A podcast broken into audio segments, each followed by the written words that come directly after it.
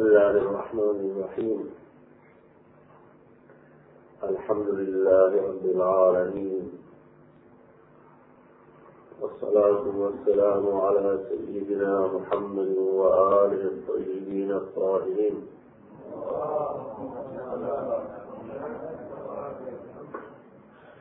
ولعنة الله على أعدائهم أجمعين من الأولين والآخرين.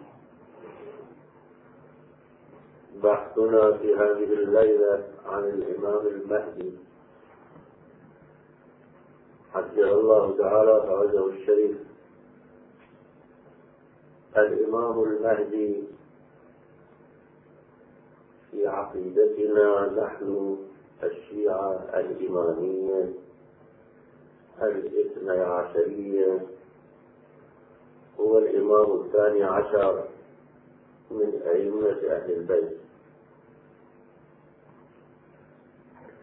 نعتقد بأنه ابن الحسن العسكري سلام الله عليه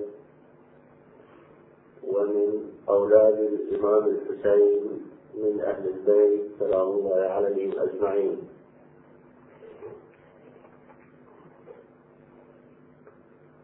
ونعتقد بأنه مولود حي موجود إلا أنه غائب عن الأبصار.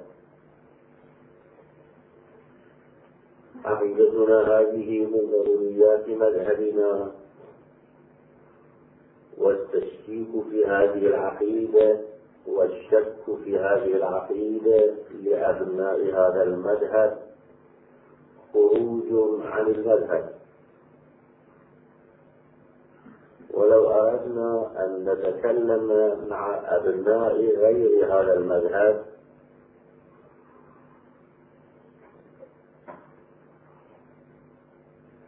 وندعو الآخرين إلى هذه العقيدة. لابد وأن نستدل بأدلة مقبولة عند إما عنده فقط وإما عند الطرفين. وبحثنا حول المهدي صلى الله عليه يكون في ثلاثة فصول. الفصل الأول فيما يتعلق بأصل الاعتقاد.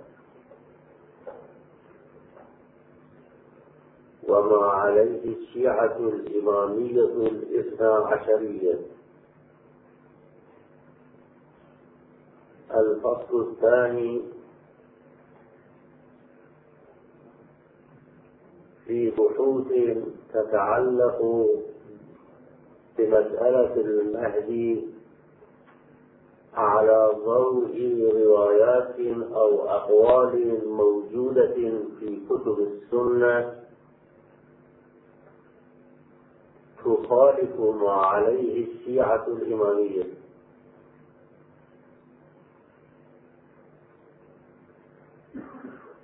الفصل الثالث في سؤالات قد تختلج في أذهان أبناء الطائفة أيضا. وقد تطرح في الكتب ولربما يشنع بها من قبل الكتاب من أهل السنة على عقيدة هذا المذهب وما تذهب إليه الإمامية في هذا الموضوع.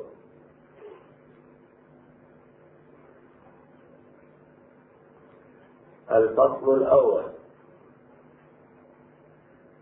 في هذا الفصل نحاول أن نستدل بأدلة مشتركة بين عموم المسلمين. وأقصد من عموم المسلمين الشيعة الإمامية الاثنى عشرية وأهل السنة بجميع مذاهبها أو بجميع مذاهبهم.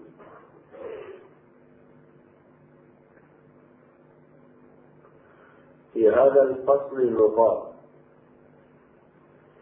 وهي نقاط الاشتراك بين الجميع. النقطة الأولى.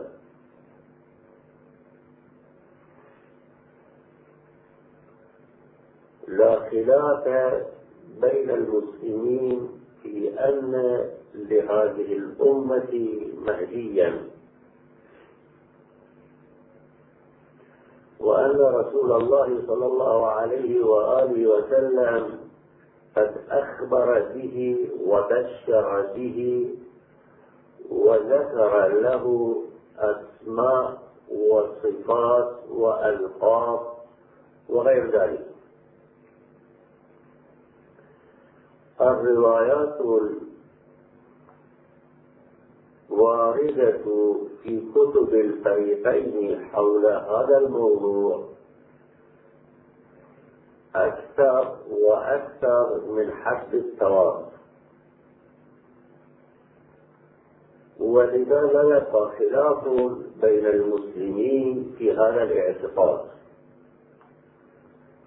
ومن اطلع على هذه الأحاديث وحققها وعرفها ثم كذب أصل هذا الموضوع مع الالتفات إلى هذه الناحية فقد كذب رسول الله صلى الله عليه وآله وسلم فيما أخبر به. الروايات الواردة في طرق الفريقين وبأسانيد الفريقين موجودة في الكتب وفي الصحاح والسنن والمسانيد وألفت لهذه الروايات كتب خاصة. دون فيها العلماء من الفريقين تلك الروايات في تلك الكتب.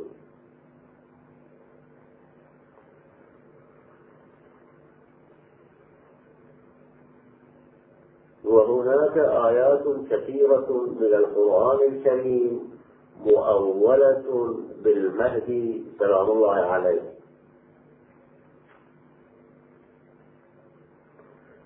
وحينئذ لا يعبأ ولا يعتنى بقول شاذ من مثل ابن خلدون المؤرخ حتى أن بعض علماء السنة كتبوا ردودا على رأيه.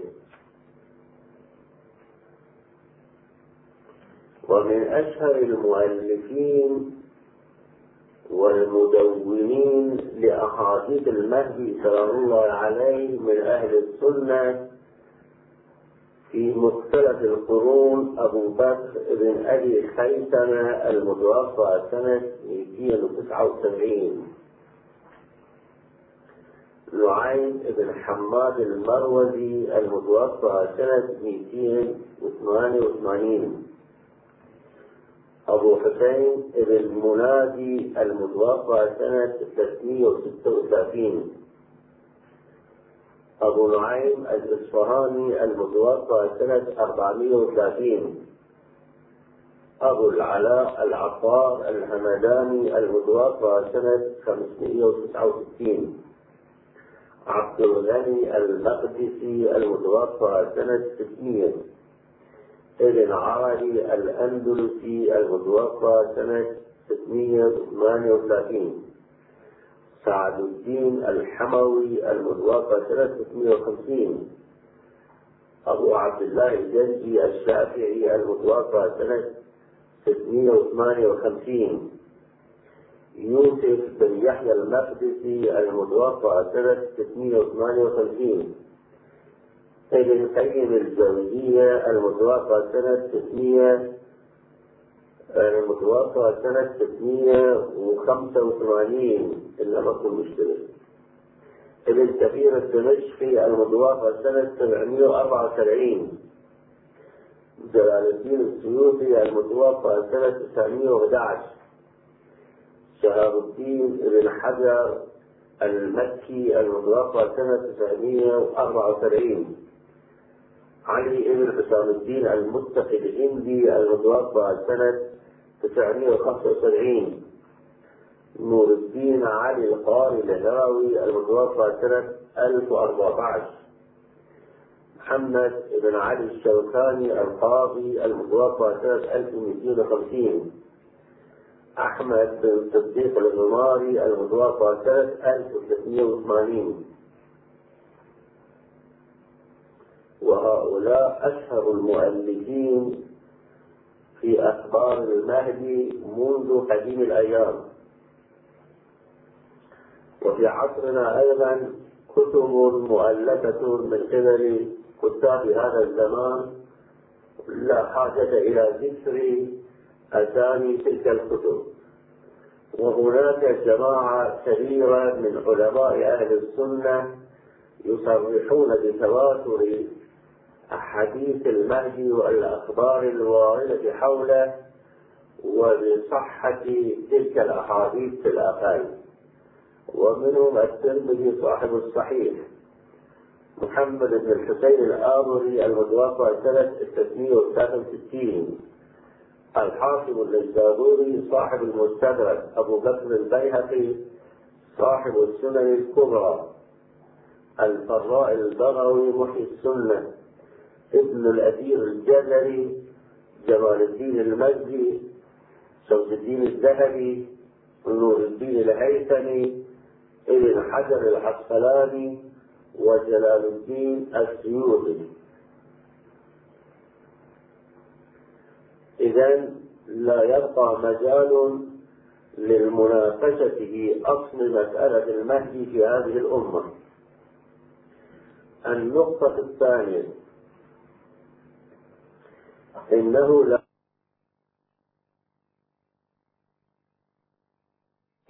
من إمام يعتقد به الناس أي المسلمون ويقتدون به ويجعلونه حجة بينهم وبين ربهم. وذلك لأن لا يكون للناس على الله حجة. وليهلك من هلك عن بينة ويحيى من حي عن بينة. ولتكون لله الحجة البالغة يقول أمير المؤمنين عليه السلام كما في نهج البلاغة اللهم بلى لا تخلو الأرض من قائم لله بحجة إما ظاهرا مشهورا وإما خائفا مغمورا. لئلا تبطل حجج الله وبيناته.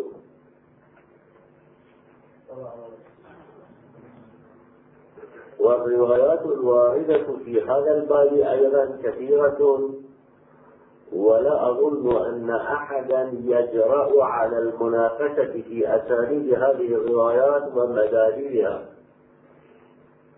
إنها روايات واردة في الصحيحين وفي المسانيد وفي السنن وفي المعاجم وفي جميع كتب الحديث وروايات مقبولة عند الفريقين. فقد اتفق المسلمون على رواية من مات ولم يعرف إمام زمانه مات ميتة جاهلية. هذا الحديث بهذا اللفظ موجود في بعض المصادر. من مات ولم يعرف إمام زمانه مات ميتة جاهلية. بهذا اللفظ موجود في بعض المصادر وقد أرسله سعد الدين السفازاني إرسال المسلم وبنى عليه بحوثه في كتاب شرح المقاصد. ولهذا الحديث ألفاظ أخرى قد تختلف بنحو الإجمال مع معنى هذا الحديث إلا أني أعتقد بأن جميع هذه الألفاظ لا بد وأن ترجع إلى معنى واحد ولا بد أن تنتهي إلى مقصد واحد يقصده رسول الله صلى الله عليه وآله وسلم. فمثلا في مسند أحمد من مات بغير إمام مات ميتة جاهلية. وكذا في عدة من المصادر كمسند أبي داود الطيالسي والصحيح ابن حبان والمعجم الكبير للطبراني وغيرها. وعن بعض الكتب إضافة بلفظ من مات ولم يعرف إمام زمانه فليمت إن شاء يهوديا وإن شاء نصرانيا. وقد نقله في هذا اللفظ بعض العلماء عن كتاب المسائل الخمسون للفخر الرازي.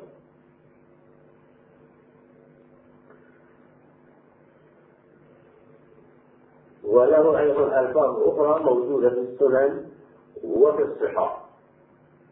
وفي المسانيد أيضا نكتفي بهذا القدر ونشير إلى بعض الخصوصيات الموجودة في لفظ الحديث. من مات ولم يعرف لابد وأن تكون المعرفة هذه مقدمة للاعتقاد. من مات ولم يعرف أي من مات ولم يعتقد. بإيمان زمانه لا مطلق إيمان الزمان. بإيمان زمانه الحق. بإيمان زمانه المشروع. بإيمان زمانه الشرعي من قبل الله سبحانه وتعالى. من مات ولم يعرف إيمان زمانه بهذه القيود مات مثل الجاهلية. وإلا لو كان المراد من إمام الزمان أي حاكم سيطر على شؤون المسلمين وتغلب على أمور المؤمنين لا يكون معرفة هكذا شخص واجبة ولا يكون عدم معرفته موجبا للدخول في النار ولأن يكون موته موت جاهلية. هذا واضح. إذا لابد من أن يكون الإمام الذي تجب معرفته إمام حق وإمام شرعي. فحينئذ الإنسان يعتقد بإمامة هذا الشخص ويجعله حجة بينه وبين ربه بحيث لو أنه لم يعتقد بإمامته ومات يكون موته موت جاهلية وبعبارة أخرى فليمت إن شاء يهوديا وإن شاء نصرانيا.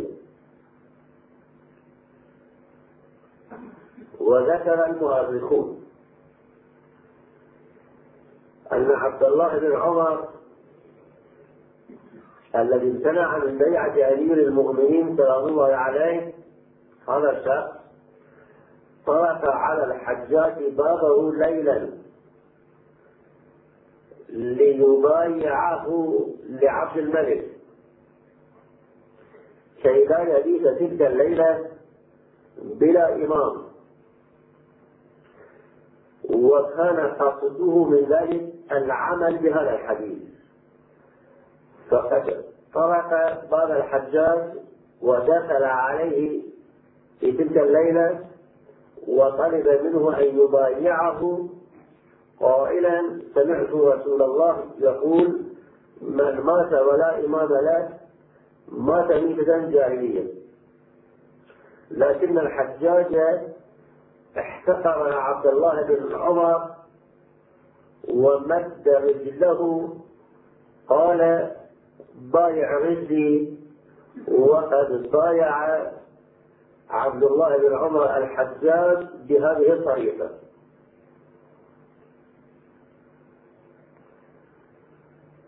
وطبيعي أن من يأبى عن البيعة لمثل أمير المؤمنين يبتدي في يوم من الأيام بالبيعة لمثل الحجاج وبهذا الشكل. وكتبوا بترجمة عبد الله بن عمر وفي قضايا الحرة بالذات. تلك الواقعة التي أباح فيها يزيد بن معاوية المدينة المنورة ثلاثة أيام. أباح لجيوشه يفعلون ما يشاءون. وأنتم تعلمون ما كان وما حدث في تلك الواقعة حيث قتل العشرات عشرات الآلاف من الناس والمئات من الصحابة والتابعين وفضت الأفكار وولدت النساء بالمئات من غير زوج. في هذه الواقعة أتى عبد الله بن عمر إلى عبد الله بن ربيع. قال فقال عبد الله بن ربيع اطرحوا لأبي عبد الرحمن وسعده تجلس قال إني لم آتك لأجلس نص العبارة اطرحوا لأبي عبد الرحمن وسعده فقال إني لم آتك لأجلس أتيتك لأحدثك حديثا.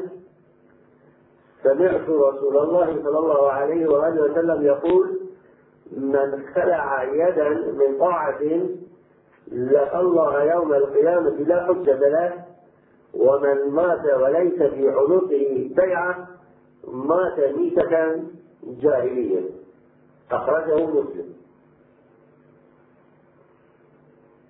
فقضية معرفة الإمام في كل زمان والاعتقاد بإمامته والالتزام ببيعته أمر مفروغ منه ومسلم وتدل عليه الأحاديث وسيرة الصحابة وسائر الناس ومنها ما ذكرت لكم من أحوال عبد الله بن عمر الذي يجعلونه قدوة لهم.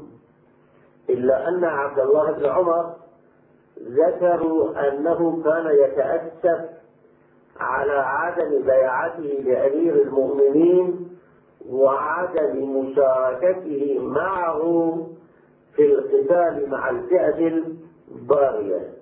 وهذا موجود في المصادر.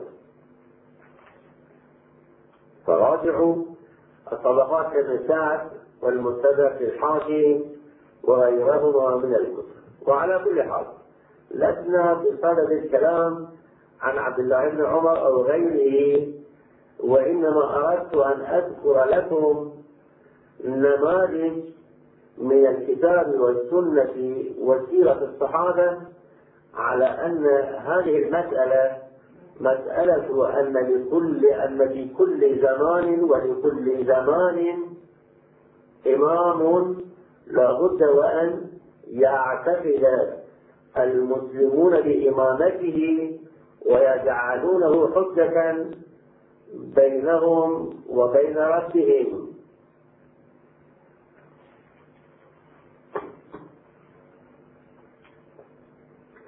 النقطة الثالثة في الفصل الأول أن المهدي من الأئمة الاثني عشر في حديث الأئمة بعد اثنى عشر. لا ريب ولا خلاف في هذه الناحية فإن القيود التي ذكرت في روايات الأئمة اثنى عشر تلك القيود كلها منطبقة على المهدي سلام الله عليه. لأن هذا الإمام عندما يظهر يجتمع الناس على القول بإمامته. وأن الله سبحانه وتعالى سيعز الإسلام بدولته. وأنه سيظهر دينه على الدين كله. وجميع تلك القيود والمواصفات التي وردت في أحاديث الأئمة اثنى عشر كلها منطبقة على المهدي سلام الله عليه. وفي بالي أني رأيت في بعض الكتب التي حاولوا فيها ذكر الخلفاء بعد رسول الله من بني أمية وغيرهم يعدون المهدي أيضا من أولئك الخلفاء الاثنى عشر الذين أخبر عنهم رسول الله في هذه الأحاديث التي درسناها في الليلة الماضية. وإلى الآن عرفنا الاتفاق على ثلاثة نقاط أو ثلاث نقاط. النقطة الأولى أن في هذه الأمة مهديا. النقطة الثانية أن لكل زمان إماما.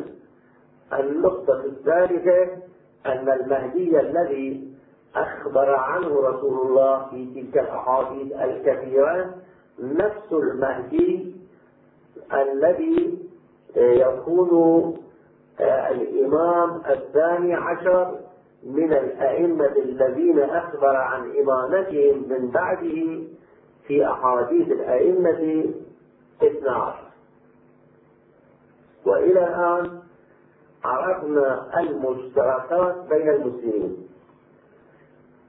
إلى هنا لا خلاف بين طوائف المسلمين ويكون المهدي حينئذ أمرا مطلوبا منه ومسلما في هذه الأمة والمهدي هو الثاني عشر من الأئمة الاثني عشر فهو الإمام الحق الذي يجب معرفته والاعتقاد به وأن من مات ولم يعرف المهدي مات ميتة جاهلية. وهنا قالت الشيعة الإمامية الاثنى عشرية أن الذي عرفناه مصداقا لهذه النقاط هو ابن الحسن العسكري ابن الإمام الهادي ابن الإمام الجواد ابن الإمام الرضا ابن الإمام الكاظم ابن الإمام الصادق ابن الإمام الباقر ابن الإمام السجاد ابن الحسين الشهيد ابن علي بن أبي طالب صلوات الله وسلامه عليهم أجمعين. فهذه عقيدة الشيعة. فطبقوا تلك النقاط الثلاث المتفق عليها على هذا المصداق لنرى هل هناك حديث يوافق الشيعة الإمامية ويدل على ما تذهب إليه الشيعة الإمامية في هذا التطبيق؟ هل هناك حديث أو أحاديث من طرق أهل السنة توافق هذا التطبيق وتؤيد هذا التطبيق أو لا؟ من هنا يشرع البحث بين الشيعة وغير الشيعة. هذه عقيدة الشيعة. ولهم عليها أدلتهم من الكتاب والسنة وغير ذلك. وما بلغهم ووصلهم عن أئمة أهل البيت الصادقين سلام الله عليهم أجمعين. لكن هل هناك ما يدل على هذا الاعتقاد في كتب أهل السنة أيضا؟ لتكون هذه العقيدة مؤيدة ومدعمة من قبل روايات السنة ليمكن للشيعة الإمامية أن تلزم أولئك بما رووه في كتبهم أو لا. نعم. وردت روايات في كتب القوم مطابقة لهذا الاعتقاد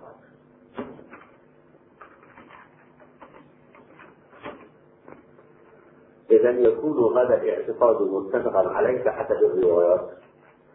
وإن لم يكن القوم يعتقدون بهذا الاعتقاد بحسب الأقوال إلا أن نبحث عن العقيدة على ضوء الأدلة لا على ضوء الأقوال والآراء. لنقرأ بعض تلك الروايات تلك الروايات الرواية الأولى. قوله صلى الله عليه وآله وسلم لو لم يبق من الدنيا إلا يوم واحد لطول الله عز وجل ذلك اليوم حتى يبعث فيه رجلا من ولدي اسمه اسمي فقام سلمان الفارسي فقال يا رسول الله من أي ولد قال من ولدي هذا وضرب بيده على الحسين. من ولدي هذا وضرب بيده على الحسين. هذه الرواية في المصادر عن أبي القاسم الطبراني وابن عساكر الدمشقي وأبي نعيم الإصفهاني وابن قيم الجوزية ويوسف بن يحيى المقدسي وشيخ الإسلام الجويني وابن حجر المكي صاحب الصواعق الحديث الثاني. قوله صلى الله عليه وآله وسلم لبرعته الزهراء سلام الله عليها وهو في مرض وفاته. ما يبكيك يا فاطمة؟ أما علمت أن الله اطلع إلى الأرض اطلاعة أو إطلاعة فاختار منها أباك فبعثه نبيا. ثم اطلع ثانية فاختار بعلك. فأوحى إلي فأنكحته واتخذته وصيا أما علمت أنك بكرامة الله تعالى إياك زوجك أعلمهم حلما وأكثرهم حلما وأقدمهم سلما فضحكت واستبشرت فأراد رسول الله صلى الله عليه وآله وسلم أن يزيدها مزيد الخير. فقال لها ومنا مهدي الأمة الذي يصلي عيسى الذي يصلي عيسى خلفه. ثم ضرب على منكب الحسين. فقال هذا من هذا مهدي الأمة من هذا مهدي الأمة هذا الحديث رواه كما في المصادر أبو الحسن الدارقطني أبو المظفر السمعاني أبو عبد الله الكندي وابن الصبار المالكي. الحديث الثالث يخرج المهدي من ولد الحسين من قبل المشرق لو استقبلته الجبال لهدمها واتخذ فيها طرقا. فهو من ولد الحسين. وهذا الحديث كما في المصادر عن نعيم بن حماد عن الطبراني وأبي نعيم والمقدسي صاحب كتاب عقد الدرر في أحوال منتظر. هذا بحسب الروايات وأما بحسب أقوال العلماء المحدثين والمؤرخين والمتصوفين. هؤلاء أيضا يصرحون بأن المهدي اسم الحسين أي من ذرية الحسين ويضيفون على ذلك أنه ابن الحسن العسكري وأيضا مولود وموجود هؤلاء عدة كبيرة من العلماء من أهل السنة من المحدثين والمؤرخين وغيرهم.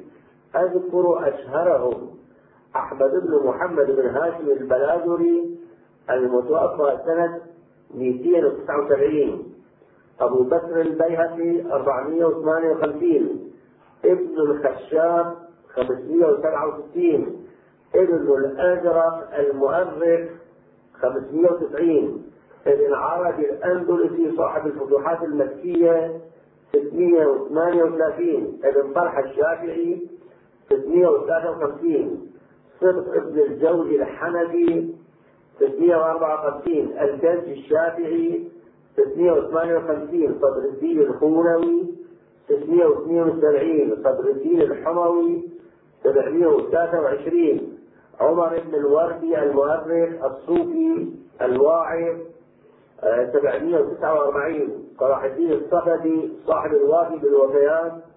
764 شمس الدين ابن الجزري 833 ابن الصبار المالكي 855 جلال الدين السيوطي 911 عبد الوهاب الشعراني هذا الفقيه الصوفي 973 ابن حجر المكي 973 أيضا علي القاري الهروي 1013 عبد الحق الدهلوي 1052 شاه ولي الله الدهلوي 1176 القدوس الحنفي 1294 فظهر إلى الآن أن المهدي من هذه الأمة لأنه إذا كان من ولد الحسين فمن هذه الأمة.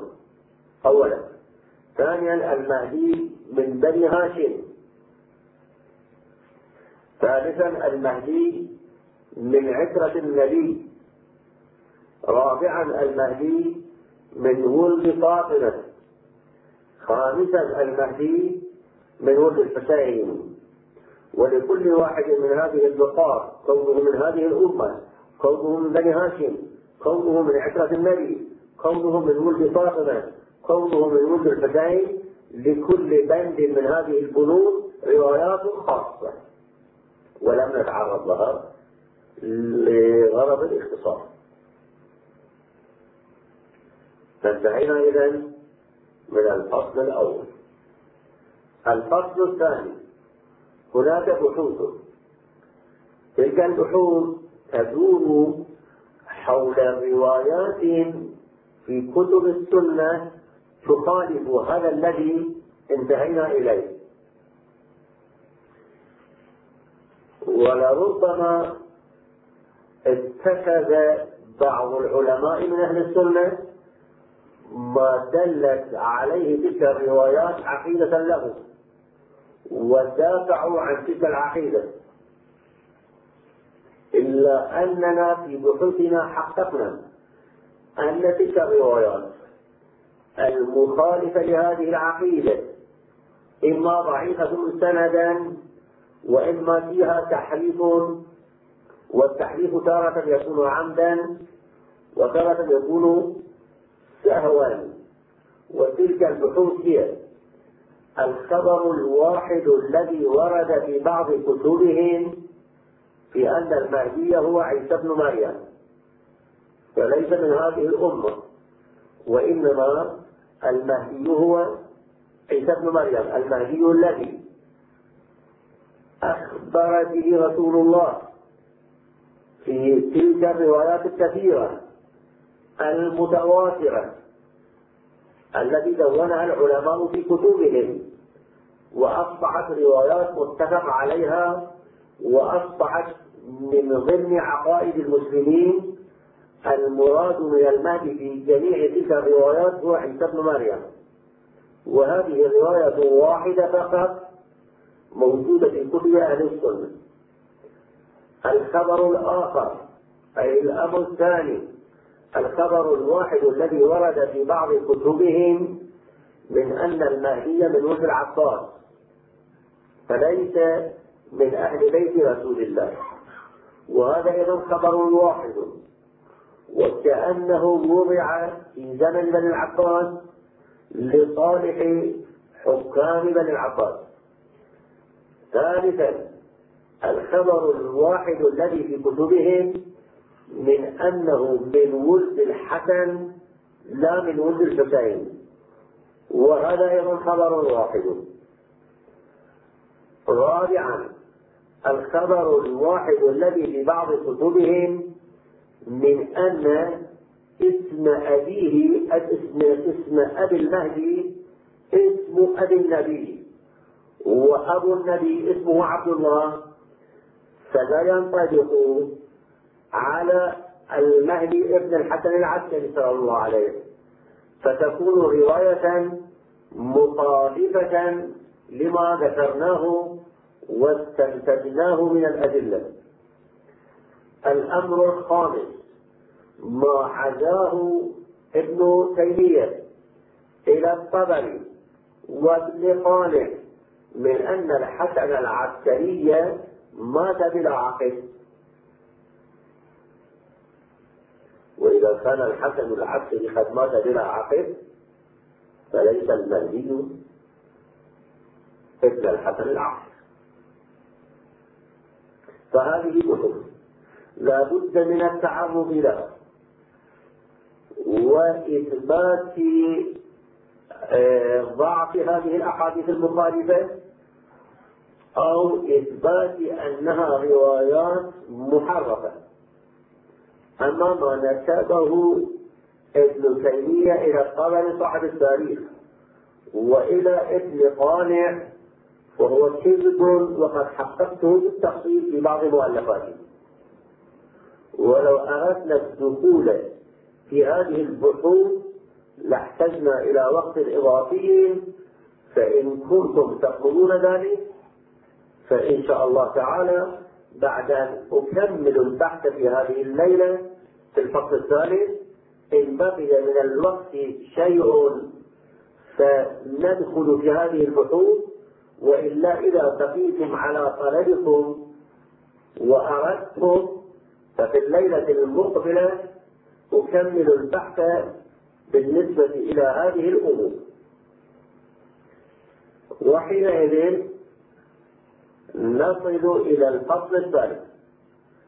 الفصل الثالث عنوانه سؤالات. السؤال الأول مسألة طول العمر. السؤال الثاني لماذا هذه الغيبة؟ السؤال الثالث ما الفائدة من إمام غائب السؤال الرابع أين يعيش المهدي؟ السؤال الخامس متى يظهر؟ السؤال السادس ما هو تكليف المؤمنين؟ ما هو تكليف المؤمنين تجاهه؟ وتجاه الأحكام الشرعية في زمن الغيبة. السؤال السابع ما هي الحوادث الكائنة عند ظهوره وبعد ظهوره؟ السؤال الثامن مسألة راجعة وقد يكون هناك سؤالات أخرى ببالكم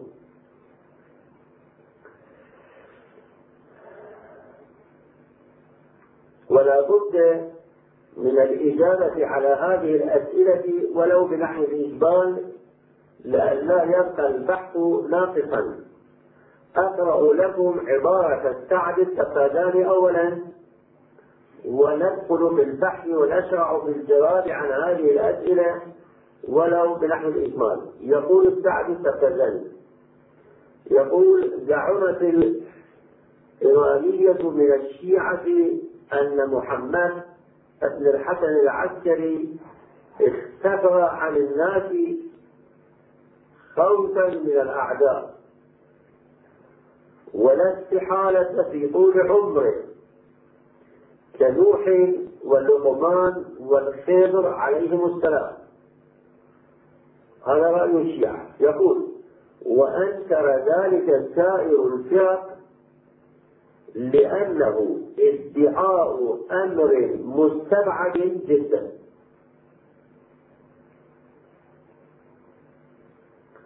ولأن اختفاء إيمان هذا القدر من الأنام بحيث لا يذكر منه إلا الاسم بعيد جدا.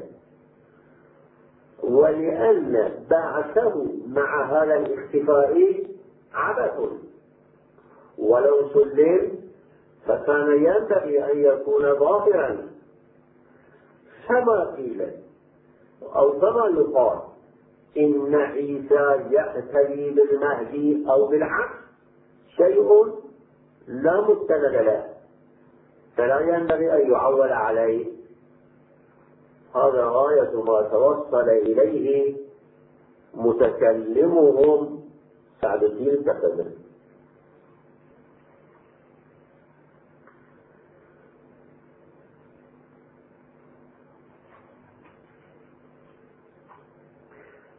إن تطرح هذه الأسئلة كبحوث علمية ومناقشات سلام عليكم.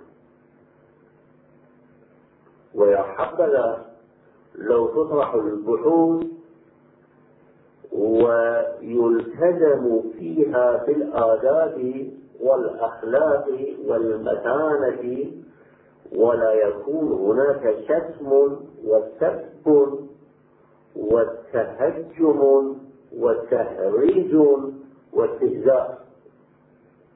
وهكذا فعل بعض العلماء وبعض الكتاب المعاصرين إلا أننا إذا راجعنا منهاج السنة وجدناه في فصل البحث عن المهدي قد ملأ كتابه حقدا وبغضا وعنادا وسبا وشتما وتهريجا وتكذيبا للحقائق.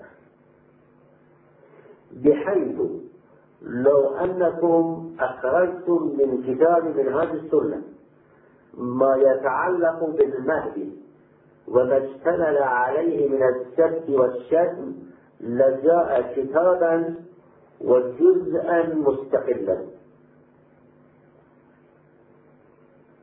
وقد تبعه أولياء ابن تيمية.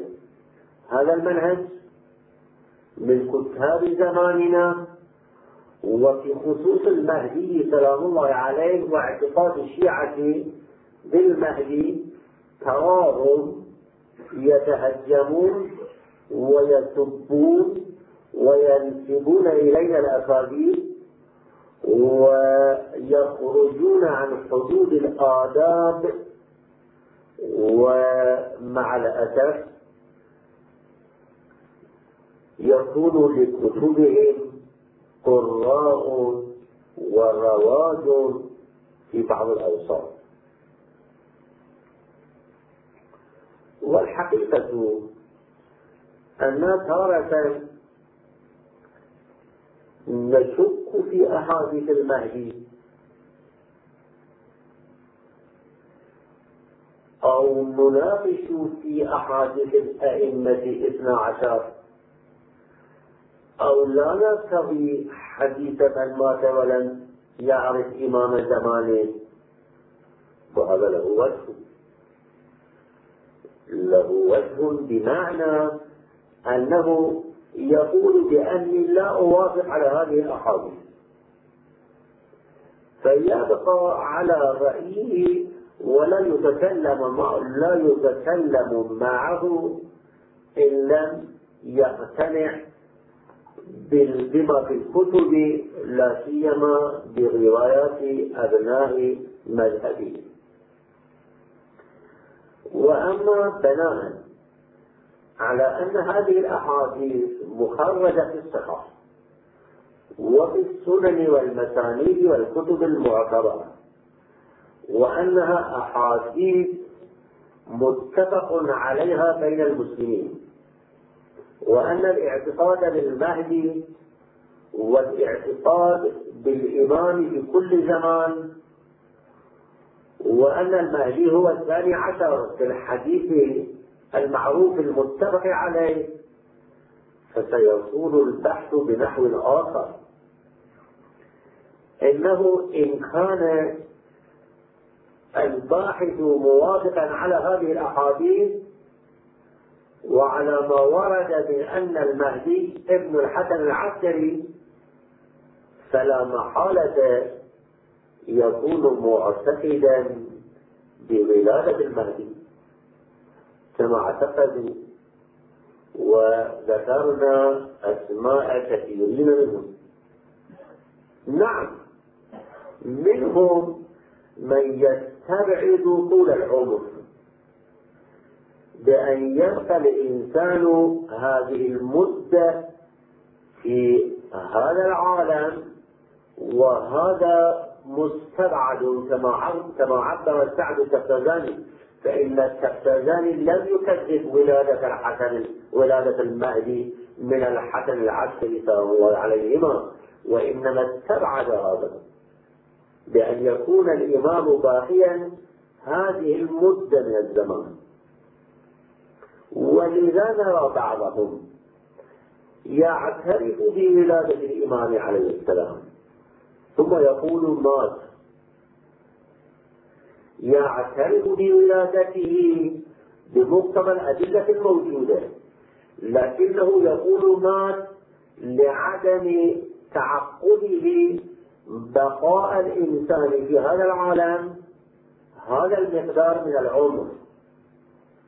لكن هذا يتنافى مع من مات ولم يعرف إمام زمانه مات ميتة جاهلية حيث قررنا أن هذا الحديث يدل على وجود إمام في كل زمان.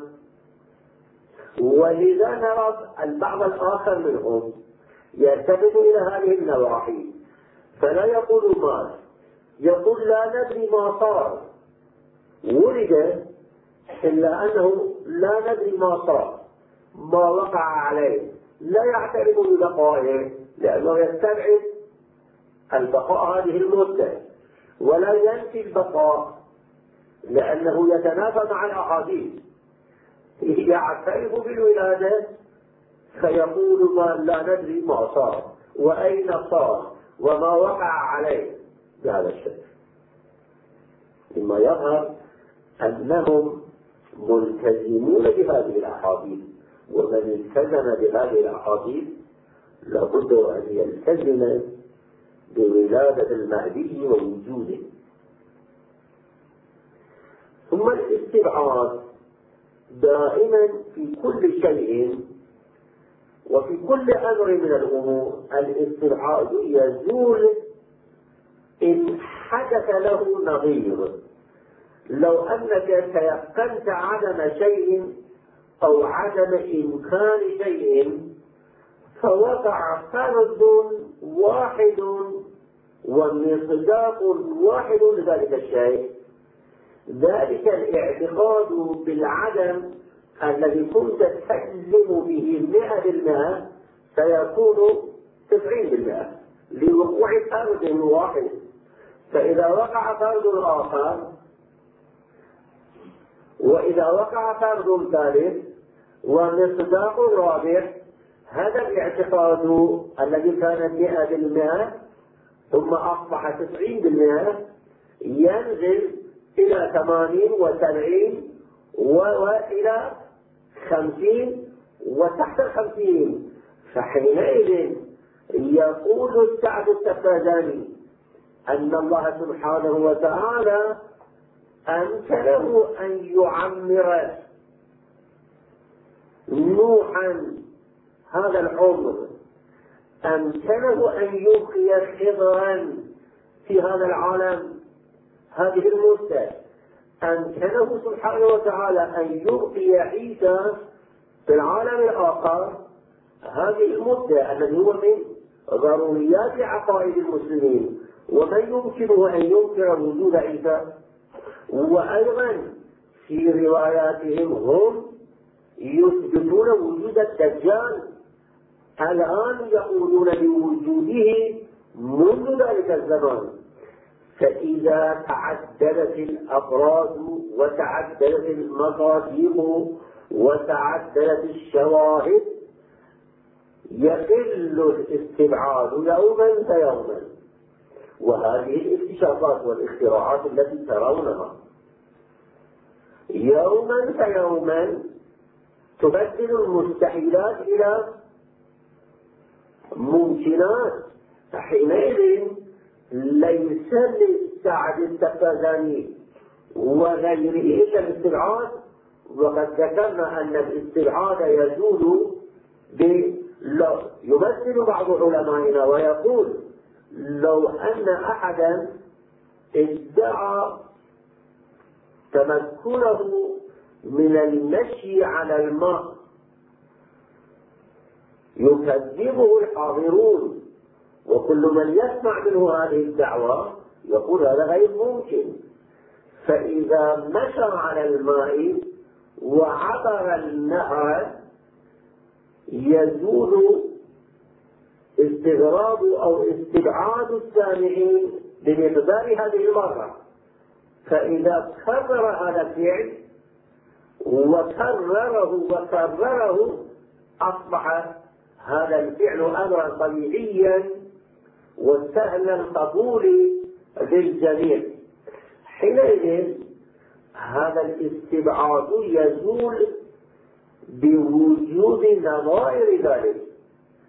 إلا أن ابن تيمية ملتفت إلى هذه الناحية فيكذب أصل حياة الخضر.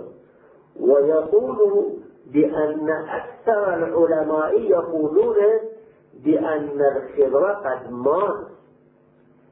يضطر إلى هذه الدعوة لأن هذه النظائر إذا ارتفعت رجع الاستبعاد مرة أخرى. لكنك إذا رجعت إلى الإصابة لحجر العسقلاني لرأيته يذكر الخضر من جملة الصحابة. ولو رجعت إلى كتاب تهذيب الأسماء واللغات للحافظ النووي الذي هو من علماء القرن السادس أو السابع يصرح بأن جمهور العلماء على أن الخضر حي. فكان الخضر حيا إلى زمن النووي وإذا وإذا نزلت شيئا فشيئا تصل إلى مثل القاري في المرقاد وتصل إلى مثل شارع المواهب اللدنية. هناك يصرحون كلهم ببقاء الخضر إلى زمانهم وحتى أنهم ينقلون قصص وحكايات ممن التقى في الخضر وسمع منه الأخبار والروايات.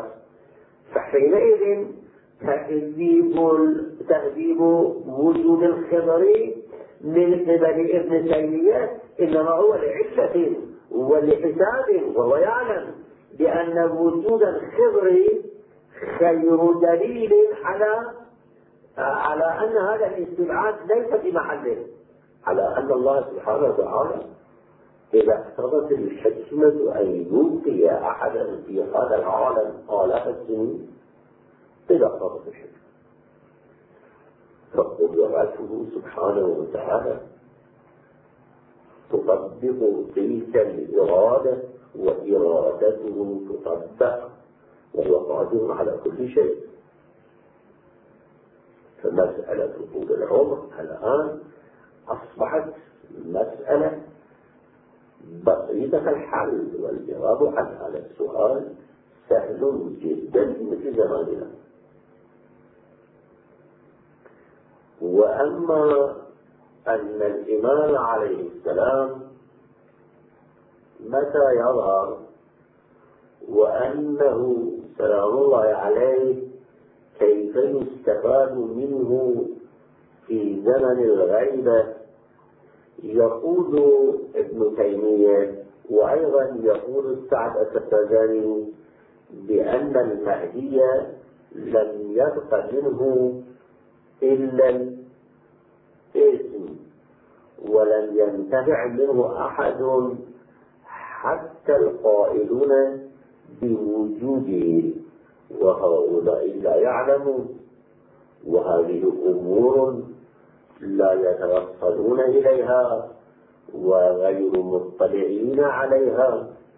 إن إن الثقات من أبناء هذه الطائفة من علماء وغير علماء. لهم قضايا وحوادث وقصص وحكايات. تلك القضايا الثابتة المروية عن طرق الثقات مدونة في الكتب المعنية وكم من قضية رجع رجع الشيعة عموم الشيعة أو في قضايا شخصية رجعوا إلى الإمام عليه السلام وأخذوا منه حل تلك القضية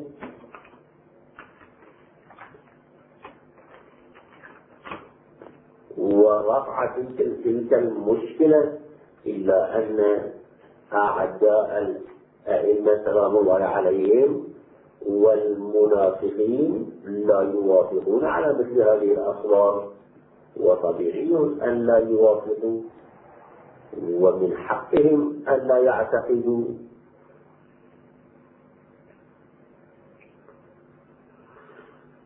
مضافا إلى أن الله سبحانه وتعالى إنما ينصب الإمام في كل أمة أو ينصب الرسول أو النبي في كل أمة ليتم به الحجة. وكم من نبي قتلوه في أول يوم من نبوته ودعوته وكم من رسول صلبوه في اليوم الأول من رسالته وكم من الأنبياء حاربوهم وشردوهم وطردوهم. أيمكن أن يقال لله سبحانه وتعالى بأن إرسالة هؤلاء الرسل والأنبياء كان عبثا؟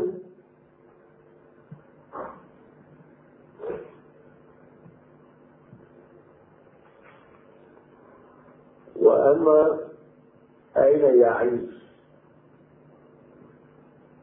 أين يعيش الخضر نحن نسأل نسأل القائلين ببقاء الخضر وغير الخضر ممن يعتقدون بحسب رواياتهم بقاءهم هؤلاء أين يعيشون؟ وهذه ليست مسألة. أن الإمام أين يعيش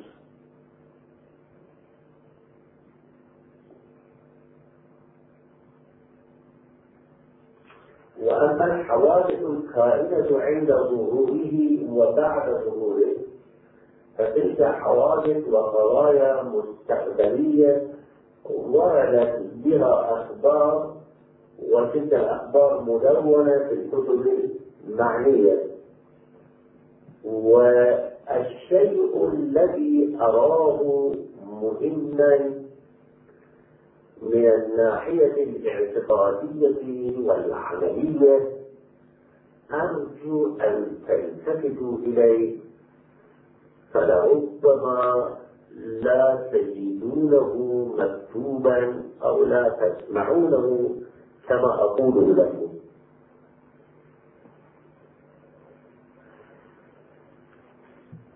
لاحظوا إذا كان غيبة الإمام عليه السلام لمصلحة أو لسبب ذلك السبب إما وجود المانع وإما عدم المقتضي.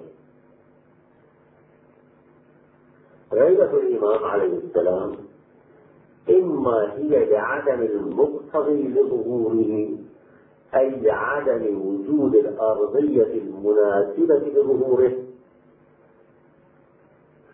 أو لوجود الموانع عن ظهوره. وجود الموانع وعدم المقتضي كان السبب في غيبة الإمام عليه السلام. هذا واضح إنا لا نعلم أن المانع متى يرتفع ولا نعلم أن المقتضي متى يتحقق ويحصل. ولذا وردت الروايات أن أمرنا إنما أمرنا بغتة. فظهور الإمام عليه السلام متى يكون؟ حيث لا يكون مانع وتتم المقدمات والأرضية المناسبة لظهوره. وهذا متى يكون؟ العلم عند الله سبحانه وتعالى. فيمكن أن يكون غدا ويمكن أن يكون بعد غد وهكذا. هذه نقطة. النقطة الثانية إن في رواياتنا أن حكومة المهدي ستكون حكومة داوود عليه السلام. إنه يحكم بحكم داوود عليه السلام.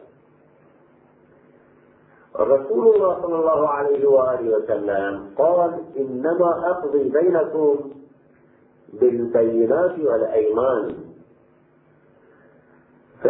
وبعضكم ألحن من بعض.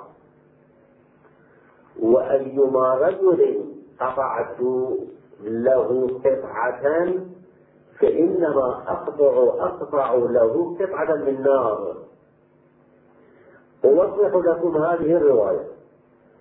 رسول الله صلى الله عليه وآله وسلم إذا تخاصم إليه رجلان على كتاب مثلا على دار أو على أي شيء آخر يطلب من المدعي البينة وحينئذ إن أقام البينة أخذ الكتاب من المدعى عليه وسلمه إلى المدعي. وهذا الحكم يكون على أساس البينة. يقول رسول الله إنما أقضي عليكم إنما أقضي بينكم بالبينة. أما إذا كانت البينة كاذبة والمدعي أقامها وعن هذا الطريق تملك الكتاب فليعلم بأن الكتاب هذا قطعة من النار. أنا وظيفتي أن أحكم بينكما بحسب البينة. لكن أنت المدعي إن كنت تعلم بينك وبين ربك أن الكتاب ليس لك لا يجوز لك أخذ هذا الكتاب. إذا يكون حكم رسول الله والحكم الإسلامي على أساس القواعد المقررة وهذه الأدلة الظاهرية المعمول بها. فإذا جاء المهدي سلام الله عليه لا يأخذ بهذه القواعد والأحكام الظاهرية. وإنما يحكم طبقا واقع. فإذا جاء ورأى أن الكتاب الذي بيدي هذا الكتاب الذي بحوزتي هو لزيد أخذه مني وأرجعه إلى زيد. وإذا علم أن هذه الدار التي أسكنها ملك لعمر أخذها مني وأرجعها إلى عامر. فكل حق يرجع إلى صاحبه بحسب الواقع فإذا كان الإمام عليه السلام ظهوره بغتة وكان حكمه بحسب الواقع فنحن ماذا يكون تكليفنا؟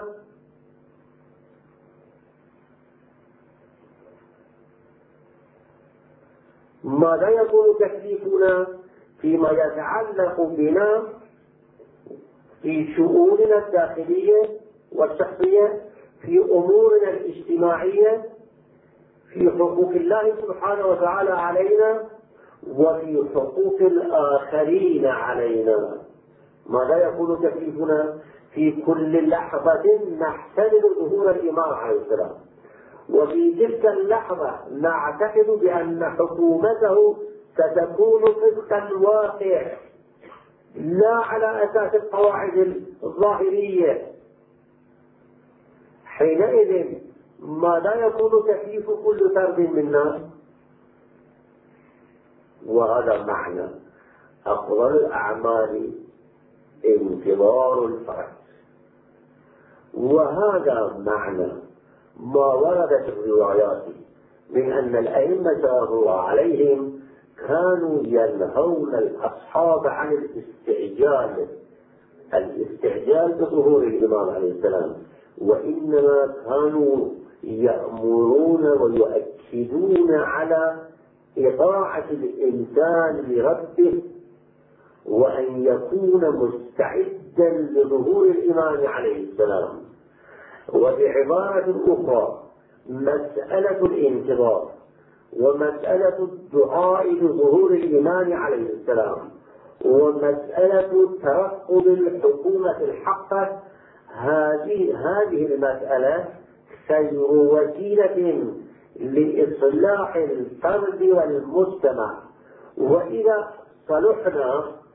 فقد صلحنا وقد مهدنا لظهور الإمام عليه السلام.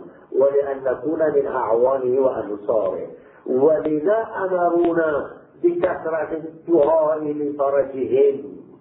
ولذا أمرونا بالانتظار لظهورهم. هذا الانتظار معناه أن يعكس الإنسان في نفسه ويطبق على نفسه ما يقتضيه الواقع. قبل أن يأتي الإمام عليه السلام ويكون هو المطبق ولربما هناك شخص يواجهه الإمام عليه السلام ويأخذ منه كل شيء. لأن كل الأشياء التي بحوزته ليست له وهذا ممكن. فإذا راقبنا أنفسنا وطبقنا عقائدنا ومعتقداتنا في سلوكنا الشخصي والاجتماعي. نكون قد مهدنا ونكون ممهدين ومساعدين ومعاونين على تحقق الأرضية المناسبة لظهور الإمام عليه الصلاة والسلام. وتبقى كلمة سجلتها عن الإمام أمير المؤمنين سلام الله عليه هذه المناسبة. يقول الإمام عليه السلام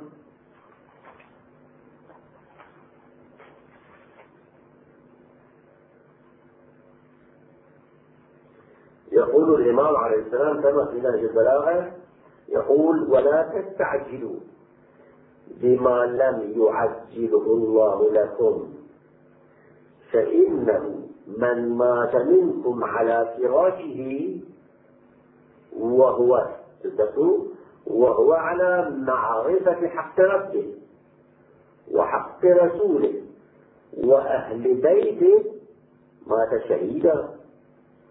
وعندنا في الروايات أن من كان كذا ومات قبل مجيء الإمام عليه السلام مات وله أجر من كان في خدمته وضرب بالسيف تحت رايته.